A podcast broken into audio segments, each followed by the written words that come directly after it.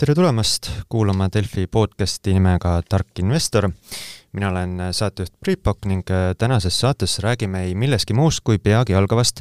eestlaste rahvaspordiüritusest nimega tulude deklareerimine. ning selleks, et võimalikult väikese peavaluga see protsess läbi teha, annab tänases saates nõu maksuekspert Ernst Young Baltic partner Ranno Tingas, tervist! tere! Ja ütlen ette ka ära, et äh, detailne ja kompaktne juhend, milliseid välju mis andmetega täita, äh, saabub saate lõpus. enne seda peatuma ka siis erinevatel varaklassidel ning mida nende puhul siis silmas pidada nagu teada on, siis äh, teisipäeval, äh, viieteistkümnendal veebruaril on oodata, et jooksevad umbe Maksu- ja Tolliameti siis infosüsteemid, kus kümned, kui mitte sajad tuhanded inimesed soovivad näha, kas tuleb sel aastal riigile raha peale maksta või saab väikese pisku hoopis tagasi. mida ka kümned tuhanded värsked investorid avastavad, et ega investeerimistulu deklareerimine, vähemalt siis esimesel korral, nii lihtne ka pole, et saaks minuti või paariga hakkama Ranno, tean, et oled ka ise aktiivne investor, et äh, kui palju see ühel maksueksperdil keskmiselt aega võtab? No eks see sõltub ikkagi, äh, millised tehingud ja, ja teemad, aga ma võin öelda, et kõige rohkem ilmselt lähebki aega selle investeerimiskonto peale. Ja see siis sõltub, kui palju on olnud väljamakseid ja sissemakseid, et need nii-öelda mõttega läbi vaadata, aga muus osas ikkagi tuleb öelda, et äh, Eesti on üks selline väga vahva riik, kus ikkagi see tuludeklaratsiooni esitamine on imelihtne, ei ole vaja kasutada enamasti välist abi ja ja, ja suures osas on eeltäidetud, nii et äh, ma arvan, et me elame väga heas riigis nagu tulumaksu mõttes. Mis on peamised vead, mida siis deklareerimise käigus saab teha? no eks neid vigu on kindlasti väga palju ja seinast seina, noh kindlasti alustame sellest, et kui äh, üldse nagu jäetakse deklareerimata, noh siis lihtsalt see viga on, kui hiljem see selgub ja tuleb maksuintress kakskümmend kaks protsenti aastas, noh siis ta on nagu rahaliselt äh, selgelt kõige kulukam äh, viga ja see intress võib minna siis kuni sama suureks kui see maksusumma ise aga kui me räägime tehnilistest vigadest, siis kindlasti on erinevaid asju, et näiteks just eelkõige välistulude puhul, mis eeltäidetud deklaratsioonis ei kajastu, et näiteks unustatakse ikkagi maksuvabad välismaa dividendid deklareerimata ja kuna selles osas on äh, Maksuametite vahel infovahetus, siis äh, sageli võib äh, pärast tulla lihtsalt Maksuametist kõne, et kuulge, et et see maksuvaba tulu on teil deklareerimata ja noh, oma olemuselt ta mõjutab ka siis aastatulude suurust Mhm. ja siin mainisid seda, et juhul, kui on varasematel aastatel täitmata, siis seda saab äh, tagantjärgi parandada kolm aastat, kui ma ei eksi? täpselt nii, jah, kolm aastat saab parandada, aga muidugi peab arvestama, et kui siis on parandus selline, mis suurendab nii-öelda maksukohustust, siis tegelikult hakatakse arvestama intressi, millal see algne tulumaksu juurdemaksmise kuupäev oleks olnud. nii et enne, kui seda parandust teha, tasub siis nii-öelda korra oma kontole peale vaadata, et kas ikkagi see tulumaksuraha ja intressiraha on olemas mm. -hmm. ja Maksuametiga ka siis suhelda näiteks, et no ja ütleme nii, et kui on siis need varasemad aastad, siis peab jah paluma, et nad avaksid selle äh, parandamise võimaluse nii-öelda konkreetsele inimesele. Äh, mainisite, et siin Eesti süsteemis on selline väga hea maksu optimaalne süsteem nimega siis investeerimiskonto, kuid kui varem pole seda kasutanud, siis äh, tekib ikkagi segadus ja nii näiteks üks lugeja küsib, kuidas see täpsemalt käib. näiteks kui mul on Swedbankis investeerimiskonto, kas need andmed saab kuidagi läbi panga deklareerida ja segadust tekitab lugejas, mida tähendab sisse- ja väljamaksete deklareerimine jah, väga hea küsimus, et see investeerimiskonto on tõesti selline üks tore nii-öelda abivahend, mis võimaldab siis investoril lükata oma maksukohustus tulevikku, ehk siis sellesse hetke, kus ta tahab raha tarbimisse võtta. nii et alginvesteeringu saab maksuvabalt välja võtta. ja investeerimiskonto puhul peab siis arvestama, et see deklareerimine ei käi ümber nii-öelda tehtud väärtpaberitehingute, vaid käib lähtudes nii-öelda investeerimiskontole, mis on siis alati arvelduskonto, mitte väärtpaberikonto, selle arvelduskontole sisse makstud raha ja välja võetud raha nii-öelda vahest nii et piltlikult öeldes, kui ma panen sinna kontole sada eurot ja teen kas või näiteks äh, sada tehingut ja siis võtan äh, välja uuesti sada eurot, siis ma põhimõtteliselt äh, suure tõenäosusega võib-olla deklareerin ainult kaks rida, nii-öelda sisse pandud raha sada eurot, välja pandud, välja võetud raha sada eurot. kui seal nüüd on mingid konto nii-öelda hooldustasud, noh siis need tulevad juurde. aga jah, et, et kui hoida neid sissemakseid ja väljamakseid minimaalsena, et siis ilmselt on see investeerimiskonto deklareerimine ka lihtsam. ehk teisisõnu Äh, juhul, kui oled siin aasta jooksul kaubelnud, ma ei tea, Arko Vara aktsiaga siis äh, korduvalt ja korduvalt, siis neid äh, ei maksa siis deklaratsiooni edastada? jah, kui on investeerimiskonto, siis neid üksikuid müügitehinguid, rääkimata ostudest, ei pea deklareerima, vaid vastupidi, deklareeritakse ainult siis see raha liikumine investeerimiskontole ja sealt ära. ja mis on võib-olla veel hea uudis, on see, et seda, see investeerimiskonto kui selline tekib Maksuametile tuludeklaratsiooni esitamisega. nii et ma saan praegu oma möödunud aasta tehinguid vaadates ise otsustada, kas ma siis tahan, et mul on need väärtpaberid ostetud läbi investeerimiskonto ja sellisel juhul ma pean siis selle arvelduskonto deklareerima ka oma tuludeklaratsioonis siis selle oma investeerimiskontona Äh, kuidas need andmed üldse Maksuametisse jõuavad? jah, need lähevad automaatselt pangast, kui ise need saadad, nii et tähendab selles mõttes, et et seal pangasüsteemis on siis võimalik see raport äh, valmis genereerida, tuleb muidugi ise hoolega üle vaadata, et kas sa oled nõus, Äh, mõnel juhul see on ka eeltäidetud juba, ja siis tuleb äh, pangasüsteemis saata see oma tuludeklaratsiooni ja mingi aja pärast ta siis ilmub sinna tuludeklaratsiooni. ja see muidugi, kui on see investeerimiskonto on Eestis. ja neid võib olla ka mitu, nii et kui mitmest pangast saata, siis nad lõpuks äh, ilusti kronoloogilises järjekorras lähevad need read siis oma isiklikku tuludeklaratsiooni. Kas saab ka nii-öelda tagantjärele deklareerida deklareerida seda, et näete, see on mul tegelikult investeerimiskonto, kuigi mul pangas on vastav linnuke tegemata? saab ikka, sest ega see investeerimiskonto ei teki pangas, linnukese tegemisest, vaid see tekib ikkagi tuludeklaratsioonis, et kui me vaatame konkreetsemalt, siis seal on eraldi nii-öelda koht kuus viis, esimene osa, ja seal tulebki siis märkida kontonumber või siis see IBAN kood, eks ju siis enne, kui pangast on midagi juba saadetud, äh, siis äh, kohalikud investorid võivad märgata, et punktis kuus punkt üks ehk väärtpaberite võõrandamine on eeltäidetud juba tehingud. näiteks olen eelmisel aastal ostnud ja müünud siis Enefit Greeni aktsiaid, need andmed on siis tulnud otse väärtpaberite keskdepositooriumi süsteemist, mida sel juhul teha? Jah, et kui seesama väärtpaber on olnud äh, investeerimiskonto süsteemis, siis ta tuleb sealt äh, tabelist kuus üks, kus on selline tavaline väärtpaberite võõrandamine ära kustutada. aga seal võib olla ka olukordi, kus ongi mingisugune mittekaubeldav finantsvara ja siis ta jääbki sinna kuus ühte ja sellisel juhul tuleb siis täita nii-öelda see soetushind ja müügiga seotud kulud ja siis tekib selle konkreetse tehingu pealt nii-öelda kasumi pealt tulumaks, kui on kasum ja kui on kahjum, siis seda saab tasaarveldada tulevikus teiste väärtpaberikasudega. lihtsustatult, miks on siis investeerimiskonto süsteem parem kui tavasüsteem? noh, kõige suurem vahe ongi selles, et eh, kui tavasüsteemis eh, sa müüd väärtpaberi, siis kohe tuleb maksta selle kasumi pealt järgmise aasta tuludeklaratsioonis eh, tulumaksu deklareerida ja siis järgmisel aastal ära maksta. Äh, kui on investeerimiskonto, siis selle alginvesteeringu saab välja võtta, mis tähendab, et kogu selle kasumi osa saab jätta nii-öelda jätkuvalt reinvesteerimiseks ja, ja see annab sellist täiendavat äh, võimendust ja, ja, ja tootlust. justkui nii-öelda maksutulu pealt siis äh, laenad nii-öelda seda raha, et uuesti seda teenima panna? jah, ja ega siis seda alginvesteeringut ei pea ka kohe välja võtma, aga lihtsalt, et ta annab jah, võimaluse nagu osaühingi lükata seda maksustamise hetke sellise tarbimisse võtmiseks. Ja tulu siis nii-öelda maksustamine toimub äh, sel hetkel, kui äh, väljavõetav summa on siis suurem kui sisse pandud summa? täpselt nii jah, et seal käib selline pidev äh, kronoloogiline arvestus peale igat nii-öelda sissemakset ja väljamakset, et mis see saldo on. Ja kui näiteks aasta keskel kas või korraks see saldo läheb negatiivseks, ehk rohkem on raha välja võetud, kui on sisse pandud, siis tegelikult see maksukohustus tekib, isegi kui hiljem näiteks selle raha tagasi paned, nii et kui näiteks pank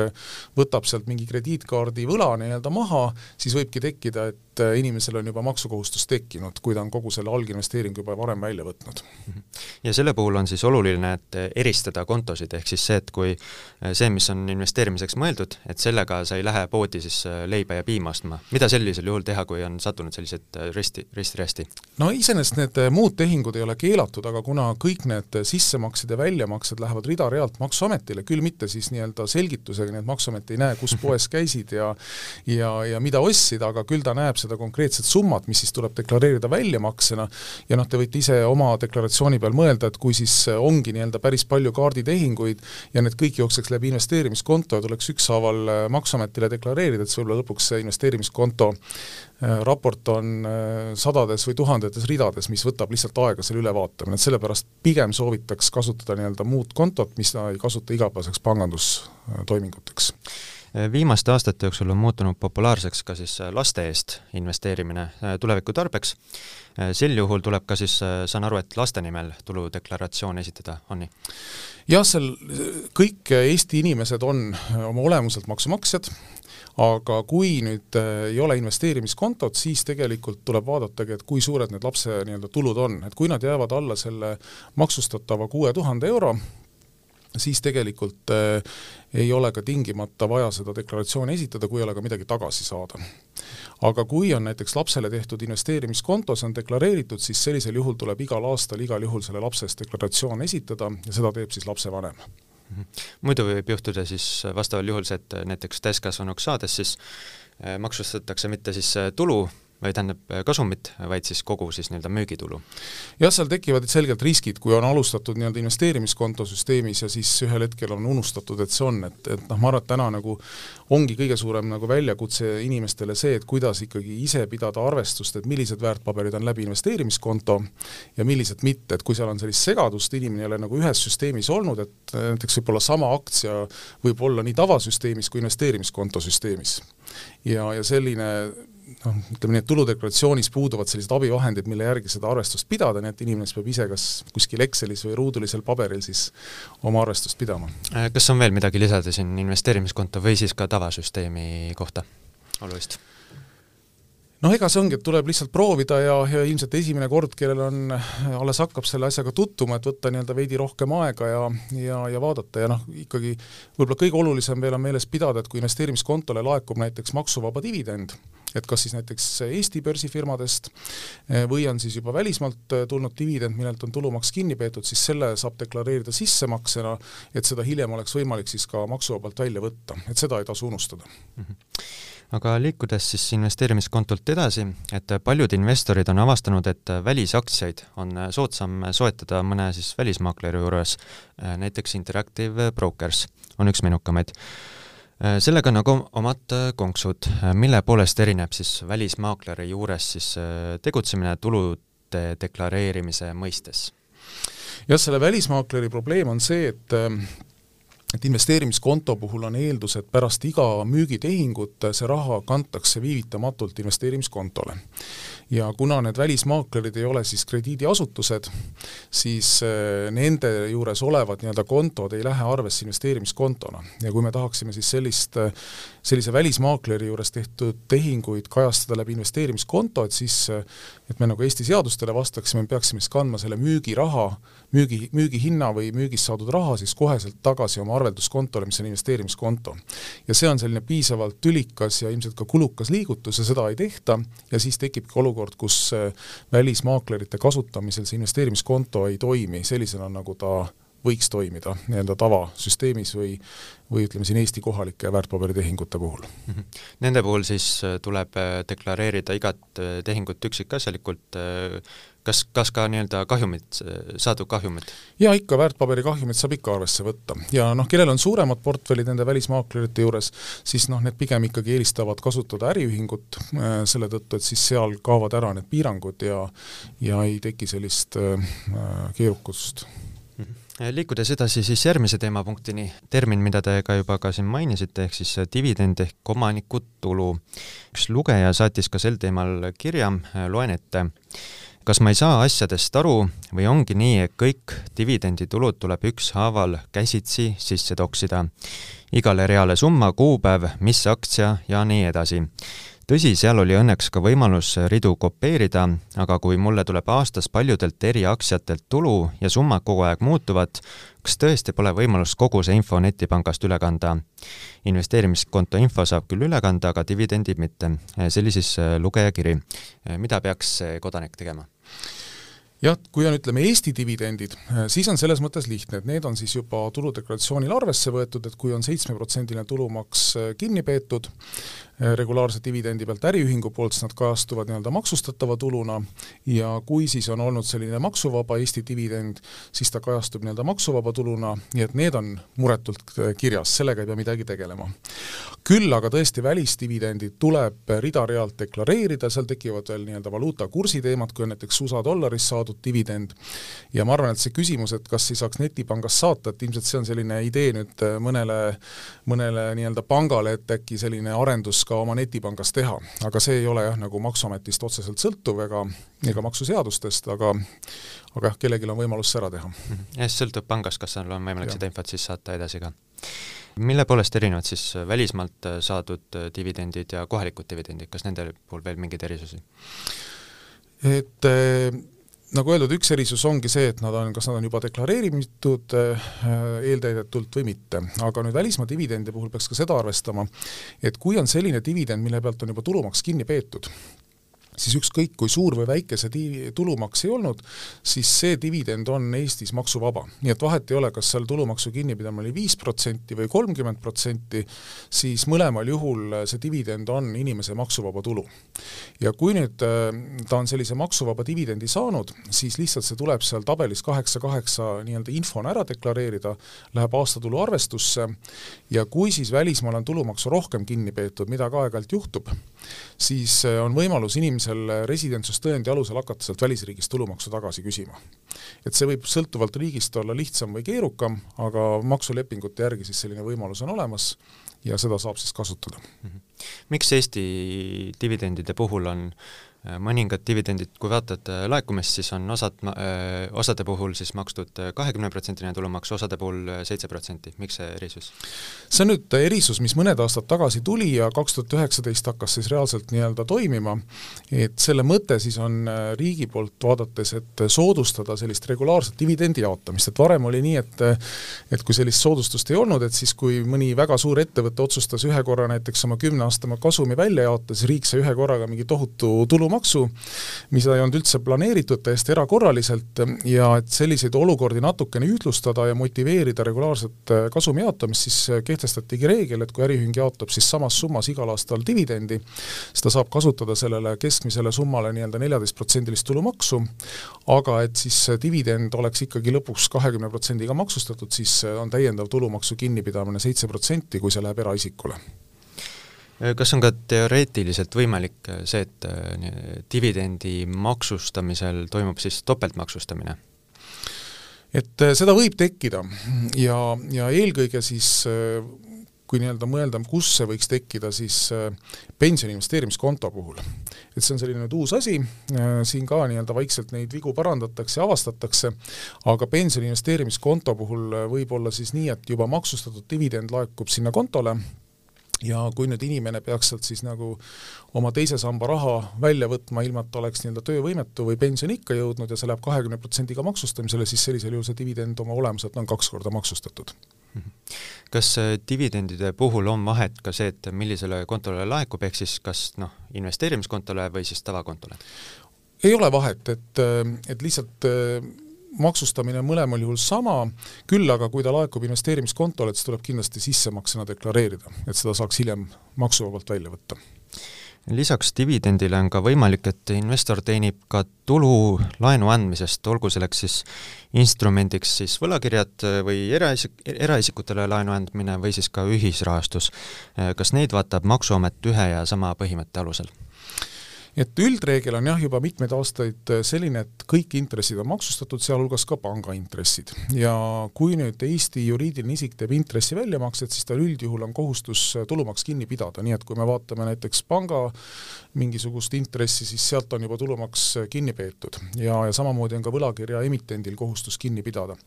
välja arvatud, kui siis äh, nii-öelda see võlakiri või hoius on tehtud läbi investeerimiskonto, ja emitenti või siis seda panka on teavitatud, et see on tehtud läbi investeerimiskonto ja palutud siis tulumaksu mitte kinni pidada, siis sellisel juhul äh, laekub siis sinna investeerimiskontole või tuleb sinna viivitamatult kanda siis see intress ja, ja see ei ole siis sissemakse, vaid ta maksustatakse nii-öelda alles tarbimisse võtmisel, ehk, ehk siis investeerimiskontolt väljavõtmisel. -hmm. aga ühisrahastust ei saa siis investeerimiskonto jah, ühisrahastus paraku sinna investeerimiskonto süsteemi ei sobi, sest sinna lähevad ikkagi sellised äh, tüüpilised äh, finantstooted ja kui see investeerimiskonto kaks tuhat üksteist tuli, noh siis me võimegi mõelda, et sinna läksid need asjad, mis seal kaks tuhat üheksa, kümme olid sellised tavapärased kohad, kuhu investeeriti. kas nende ühisrahastuse puhul on võimalik kahjumeid äh, maha arvestada? Äh, paraku eraisikuna ei ole ja jällegi, kes vähegi teeb suuremas mahus tehinguid läbi ühisrahastuse, siis tasub kaaluda äriühingu vormi, ehk siis läbi osaühingu, ja sellisel juhul tõesti saab need kasumid ja kahjumid tasaarveldada ja, ja ei teki sellist ebaõiglast maksustamist võttes aga ühe järgmise väga populaarseks muutunud siis varaklassi nimega siis krüptorahad, mil, mil, mida nende puhul siis tuleks silmas pidada? No kõigepealt seda, et seda krüptoraha siis maksustamise mõttes vaadatakse varana ja teatavasti siis vara puhul toimub maksustamine, kui vara müüakse või vara vahetatakse. noh, müük on võib-olla midagi sellist, kui väga lihtne näide tuua, et keegi nii-öelda müüb Bitcoini, saab vastu dollarit või eurot, siis see on selline tehing, kus siis peab vaatama, et kas tal tekkis kasu või kahju ja noh, mis on kõige selline kurvem pool selle juures, et kui tekkis kahju, siis seda ei saa kasumiga tasaarveldada, nii et kui keegi ostis näiteks äh, kuuekümne tuhande dollari pealt nii-öelda ühe Bitcoini ja siis müüs äh, neljakümne tuhandega maha, sai kakskümmend tuhat eurot äh, kahjumit, siis sellega maksustamise mõttes eraisikuna ei ole mitte midagi teha, sama hästi, kui oleks selle nii-öelda raha eest ostnud endale mingisugust tarbeesemeid või, või lihtsalt reisile läinud, aga see raha on kadunud ja maksustamisel arvesse ei võeta ja teine asi, et kui nüüd ikkagi tehakse krüptovaluutade nii-öelda omavahelisi oste-müüke, et näiteks Bitcoini eest ostetakse mingit muud coin'i, näiteks mingit Litecoini või, või Solenat või mida iganes, et siis äh, sellisel juhul see on vahetustehing ja jällegi võib tekitada maksukohustuse. ja kui siis äh, näiteks keegi ostab äh, krüptoraha eest auto, siis seda tuleb jällegi vaadata, mis on selle siis auto nii-öelda hind ja mis on siis selle krüptovaluuta soetushind ja sealt võib ka tekkida maksustatav tulu. nii et eraisikuna need tehingud on maksustatud ja järjest ikkagi hakkab tekkima ka neid inimesi, kes neid siis juba deklareerivad, sest ostmine ei teki maksukohustust, küll aga siis, kui hakata krüptovaluutat müüma või kasutama kuidas seda arvestatakse, kui näiteks ma saan noh, kas või osaliselt oma palka siis Bitcoinis? Et maksustamise mõttes jah, ei ole vahet, et milles äh, tulu teenitakse, et kas siis nii-öelda Bitcoinis või keegi saab kusagilt põllumajandusettevõttest kartuleid kartulikottides või, või telliskivides, et siis tuleb vaadata, mis on selle vara turuhind ja selle järgi tekib maksukohustus. Ja mis hinnaga hiljem see vara nii-öelda maha müüakse, see enam maksustamisel tagajärgi ei tekita, nii et noh, selle Bitcoini näite puhul võib olla mõlemat pidi, et äh, võid saada palga ja pärast seda hind kukub, eks ju, võib olla vastupidi, et saad palga ja pärast seda hind tõuseb. aga selle saamise hetke siis äh, kursi pealt fikseeritakse see hind ära, kui me vaatame, kuidas siis nii-öelda Maksuameti juhised on krüptorahaga siis nii-öelda tehingute tegemisel on põhimõtteliselt potentsiaalselt võimalik see, et lisaks sellele, et sa katad noh, sisuliselt oma kogu raha ära, aga kui sa oled vahepeal kasumeid teeninud, siis sa maksad suurema summa Äh, tulumaksu, kui sul alles on. jah, see risk on ja, ja selle tõttu kindlasti tulebki erinevate tehingute puhul ikkagi maksuasjadele pigem enne mõelda, sest äh, maksud mõjutavad tootlust ja, ja valesti tehes äh, noh, midagi ei ole teha, väga paljusid asju enam tagantjärgi muuta ei saa. teistpidi, kui mõelda siin, et mis võiks olla minu kui motivatsioon, et nagunii Maksuamet sinna kuskile kaugele Binance'i oma andmetega ei jõua, et miks ma peaksin deklareerima? noh, täna on nii, et tõesti, kui vaadata sellist Maksuameti eh, sellist eh, juttu, siis noh, pigem kuidagi sõbralikult soovitatakse deklareerida ja, ja võib-olla nagu väga ei äh, rakendata sundi, noh, kui me vaatame sellist suurt pilti, siis äh, ikkagi eks kõigi riikide jaoks on see teema, et kuidas ikkagi nii-öelda krüptomaailmas toimuvaid tehinguid ära maksustada ja võib-olla lihtsalt on hea teada, et sellise tulevikuvaatena Euroopa Liidu poolt on siis ettevalmistamisel TAC kaheksa selline direktiiv, mis siis puudutab infovahetust äh, just krüptovaluutade valdkonnas, nii et seda ikkagi kindlasti varem või hiljem üritatakse tuua nii-öelda siis ka Maksuametite nii-öelda lauale ja eks siis paistab, millise tagasiulatuva või, või edasiulatuva mõjuga see saab olema. aga noh, ilmselgelt äh, selline olukord äh, ei saa nagu pikalt jääda ja, ja, ja kindlasti riigid üritavad nii-öelda midagi teha mm. -hmm väike kõrvalepõige ettevõtlusesse. Äh, mis varana tuleks äh, krüptoraha ettevõtte alt klassifitseerida? Jah, see on selline pigem raamatupidamisküsimus ja, ja seal ka audiitorid arutavad ja vaidlevad ja, ja ma siin jätaksin selle, selle koha pealt äh, nii-öelda vastuse andmata, et ilmselt tasub oma raamatupidajaga arutada ja noh, see sõltub ka, et kas on siis Eesti kohalik hea tava või on IFRS, eks ju, aga kindlasti see on teatud probleem, kuna nad on nii volatiilsed äh, varad, et, et mismoodi ja, ja kuidas siis neid ikkagi seal raamatupidamas arvestada mm. -hmm üheks äh, populaarseks investeerimiskohaks on saanud ka kasvuettevõtete börs ehk äh, Funderbeam, äh, kus on võimalik teha siis selliseid vähe riskialtimaid investeeringuid, olgu selleks siis jäätisetootja Lamu või krüptoplatvorm Change.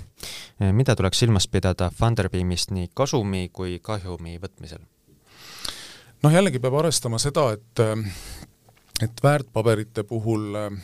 saab kasumeid, kahjumeid tasaarveldada, nii et siis peab vaatama, kas äh, omandatakse osalus või mida, või antakse laenu või mis see täpselt nagu see tehingu sisu on. aga jällegi kõigi nende ühisrahastuste puhul ma julgeks väita, et, et ilmselt vähegi suuremates mahtudes tehingute tegemisel tasub see osaühingu nii-öelda vorm ära et äh, sellisel juhul ikkagi saab neid kasumeid-kahjumeid mugavalt tasaarveldada ja, ja mitte tekitada olukorda, kus sellised üksikud kasumlikud investeeringud toovad kohe maksukohustuse ja, ja kahjumid ei, ei lähe arvesse. praeguses, äh, kas, kas äh, Maksu- ja Tolliamet arvestab siis Funderbeamis siis osalusi kui nii-öelda võrdväärselt aktsiatega? On seda teada või mitte?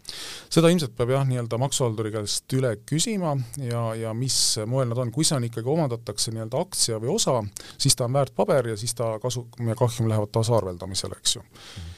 kui ta on nii-öelda laenu andmine, eh, lihtsalt mingi token nii-öelda, siis see üldjuhul ei ole väärtpaber ja sellisel juhul kahjumid ei, ei lähe arvesse toon ka siin ühe näite, et mis vastandlik seis võiks siis Funderbeamis äh, tekkida ja hoiatan ette küll, et siin tuleb päris palju numbreid järjest. Äh, näiteks oled Funderbeamis ostnud firmat X, viiskümmend osakut kümne euroga tükk ja seejärel veel viiskümmend osakut hinnaga kakskümmend eurot tükk. kokku oled seega kulutanud saja osaku ostmiseks tuhat viissada eurot ehk keskmine ostuhind on viisteist eurot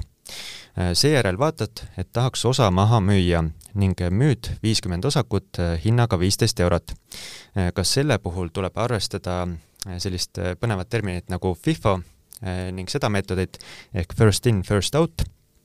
ehk kas tuleks maksta tulumaksu kasumit ostujärjekorra põhjal või kehtib kaalutud keskmise printsiip, ehk saad arvestada keskmist ostuhinda, äh, mis on siis äh, noh, antud juhul siis müügihinnaga sama ja FIFO metoodika alusel on kasum äh, viiskümmend korda viis eurot ehk siis kakssada viiskümmend eurot, tulumaks viiskümmend eurot, samas kui kaalutud keskmise puhul vähemalt praegu tulumaksu justkui ei peaks maksma. kumb õige on? Noh, põhimõtteliselt jah, kui me räägime väärtpaberist, siis äh, võib kasutada jah, kas FIFO-t või kaalutud keskmist, et üldjuhul on nii, et äh, FIFO annab parema tulemuse lühiaegselt, kui äh, ma ostan ja müün väärtpaberit nii-öelda siis langeval turul, mille hind on nii-öelda allapoole tulnud ja kaalutud keskmine annab siis parema tulemuse, kui ma annan nii-öelda tõusval turul teen neid tehinguid. kui ma nüüd kõik väärtpaberid korraga maha müün, siis ei ole tegelikult mitte mingit vahet, kumba meetodit ma kasutan, et noh, mõlemad annavad sama tulemuse ja eh, kui me nüüd räägime varaklassidest, mis ei ole väärtpaberid, noh siis nende puhul tõesti ei ole eh, täpsustatud, et kas WIFO eh, kaalutud keskmine või hoopis mingi muu meetod, ja kui me vaatame koht, kohtupraktikat Eestis, siis maksuasjades on Riigikohus öelnud, et kui on mingisugused sellised olukorrad, kus on vaja mingit metoodikat rakendada, Äh, seadus seda ette ei kirjuta, siis maksumaksja võib valida nii-öelda endale parima metoodika, mis annab talle parima tulemuse, noh eeldusel, et see on muidugi oma olemuselt nii-öelda õige ja aktsepteeritav metoodika, et noh, päris ise ei saa mingit äh, oma valemit välja mõelda, aga jah, et, et siin ma julgeks küll arvata, et ka mitte väärtpaberite puhul äh, võiks, võiks nagu ühest nendest kahest meetodist lähtuda ja maksumaksja võib endale valida soodsama. kas tehingukulusid saab ka maha arvestada? Jah, mis on seotud nii-öelda väärtpaberi ostu-müügiga, need tehingukulud lähevad igati arvesse ja, ja vähendavad siis nii-öelda seda kasu vara müügist. siin ühte teemat olete juba siin korduvalt saate jooksul maininud, maininud, et et mingitel juhtudel on mõistlik investeerida ettevõtte alt, mida see tähendab, mis juhul on siis mõistlik liigutada oma portfelli eraisikust siis ettevõtte alla? No eks see lõpuks äh, võib-olla kõige rohkem sõltubki sellest, et kus üldse inimese tulud tekivad ja kus on varad. et kui keegi käib tööl ja teenib nii-öelda palka, mis on juba maksustatud, noh siis on tal kõik võimalused avatud, et ta võib investeerida eraisikuna tavasüsteemis, läbi investeerimiskonto või läbi äriühingu kui nüüd kellelgi tulud tekivadki äriühingusse, näiteks tal on seal mingid üürikorterid eh, või mingi, pakub mingit teenust, eh, siis sellisel juhul tal on palju vähem valikuid, sest noh, ei ole mõtet hakata äriühingus siis sellisel juhul seda kasumit välja jaotama, et seda nii-öelda siis maksustada ja, ja uuesti eraisikuna investeerida, et siis on palju mõistlikum neid investeeringuid juba kohe teha äriühingus. nii et ma arvan, et see nii-öelda stardipunkt ongi see, et kus kohas inimesel tekivad need tulud ja varad ja kui siis me võtame selle variandi, et on eraisikuna, noh siis tal on tõesti kõik need võimalused lahti ja, ja sellisel juhul noh, ütleks küll, et kui me räägime krüptovaluutadest, ühisrahastustest, kinnisvarast, väärismetallid, mingid kunstmaalid, noh kõik sellised, mis ei ole sellised kaubeldavad finantsvarad oma olemuselt, siis neid ilmselgelt ikkagi investeerimise eesmärgil tasub läbi äriühingu investeerida, sest sellisel juhul saab neid kasumeid ja kahjumeid omavahel tasaarveldada, mida siis nii-öelda eraisikuna paraku ei ole võimalik ja lõpetuseks teeme ka puust ja punaseks ette, nagu lubatud, millise deklaratsiooni rea juurde tuleb mis infot anda ning kus neid andmeid saada. ja mis ma olen siit välja korjanud, on see, et investeerimist puudutavad järgnevad punktid. kõigepealt viis punkt neli ehk siis rendi, üüri ja litsentsitulu. mis siia, kas siia läheb näiteks, kui omad investeeringuna korterit ja teenid sealt üüritulu, see tulu läheb siis siia? jah, täpselt, viis neli läheb siis näiteks korteri üürist saadud tulu ja seal tuleb siis vaadata, et on esimene osa ja teine osa, et ühes tuleb siis näidata, kui on tulumaks juba kinni peetud, näiteks kui on üüritud mõnele Eesti äriühingule, eh, siis see äriühing on juba pidanud tulumaksu kinni pidama ja kui on üüritud näiteks teisele inimesele, siis loomulikult mingit tulumaksu kinnipidamist ei saa olla ja siis tuleb seda ise deklareerida ja võib-olla üüri puhul on hea teada ka, et et kui keegi eraisikuna ruumib elu, üürib eluruumi välja, siis tulumaks on madalam, ehk siis ta on tegelikult kuusteist protsenti efektiivselt. aga see ei kehti lühiajalisele sellisele majutusele, näiteks Airbnb korteritele ja ei kehti ka äripindadele kas nende puhul saab ka siis korteriparendusi äh, maha arvestada või mitte? Äh, paraku ei saa, et see on ikkagi eraisiku puhul nii-öelda lõplik tulumaks, mis ei võta arvesse reaalseid kulusid, et kui on ikkagi soov nii-öelda parendusi maha arvata, et siis jällegi on küsimus, et võib-olla on äriühing nagu õigem vorm, noh teoreetiliselt saab ka FIE-na, aga see ilmselt on oluliselt riskantsem ja toob kaasa ka lisaks sotsiaalmaksu, kui ollakse nii-öelda positiivselt kasumis, mida peab siis arvestama järgmine punkt on kuus punkt üks, väärtpaberite võõrandamine. mis on seal? no kõigepealt, kui need on Eesti äh, väärtpaberite keskregistri kaudu tehtud väärtpaberitehingud, siis need on juba eeltäidetud ja nagu me rääkisime, et kui see on olnud, äh, kui see väärtpaber on olnud nii-öelda investeerimiskonto süsteemis, siis ta tuleb kindlasti sellest kuus ühest maha kustutada, et muidu ta läheb topelt. ja kui ta ei ole siis investeerimiskonto süsteemis, et ta näiteks ongi minu enda mingisugune asutatud äh, osaühing, noh, mis ei olegi kaubeldav, eks ju, mis ei ole ka EVK-s, eh, siis sellisel juhul eh, ma pean nii-öelda tavasüsteemis olles siis lisama selle soetushinna, müügiga seotud kulud ja siis juba Maksuamet arvutab välja, kui palju on siis nii-öelda maksustatav kasum. kuus punkt kolm, muu vara võõrandamine, mis sinna läheb? kas sinna läheb ka ühisrahastus laenude andmine? Kui seda laenu müüakse võõrand-, kui seda laenu võõrandatakse, eks ju, et jällegi sõltub, mis moel see ühisrahastuses tulu tekib, et kui ta näiteks tekib, antakse laen, saadakse intressitulu, pärast laen tagastatakse, siis pigem me deklareerime ainult seda intressi. aga kui ma näiteks olen andnud laenu ja müün selle kasumiga maha, siis ta võiks sinna muu tulu alla minna intressitulu läheb mis punkti alla siis? intressitulu läheks siia nii-öelda viis üks ja viis kaks, et vastavalt sellele, kas tulumaks on juba kinni peetud või ei ole. Mhm. viis üks on siis palk ja muu ja. tasu. järgmine punkt on, mis ma olen välja korranud, on äh, kuus punkt viis ehk siis tulu finantsvaralt, see on siis äh, kõige olulisem, üks olulisemaid punkte, võib nii väita? jah, et see on siis see investeerimiskonto äh, sektsioon tuludeklaratsioonist, jällegi, kes vähegi kasutab nii-öelda Eestis olevaid pankasid, siis ta saab juba selle info nii-öelda oma panga internetikeskkonna kaudu saata ja siis see ilmub mingisuguse aja pärast siis tuludeklaratsiooni nii-öelda eeltäidetud vormile seitse punkt üks kannab sellist nimetust nagu Eesti äriühingult saadud dividendid või muud kasumieraldiste väljamaksed, mida ei maksustata füüsilise isiku tuluna. pikk kirjeldus see on siis lihtsustatult Eesti dividendid. see on Eesti dividendi, millel seitsmeprotsendilist kinnipidamist ei ole olnud ja see ei tekita maksukohustust, see on ainult nii-öelda inforida, mida siis kuvatakse, et äh, nii-öelda näidata inimesele, kui suured tema aasta sissetulekud olid ja sellest siis sõltub teatavasti see maksuvaba tulu suurus. seitsmeprotsendilised dividendid on siis äh, mingil teisel real? Need on jah, juba teisel real, et, äh, et ma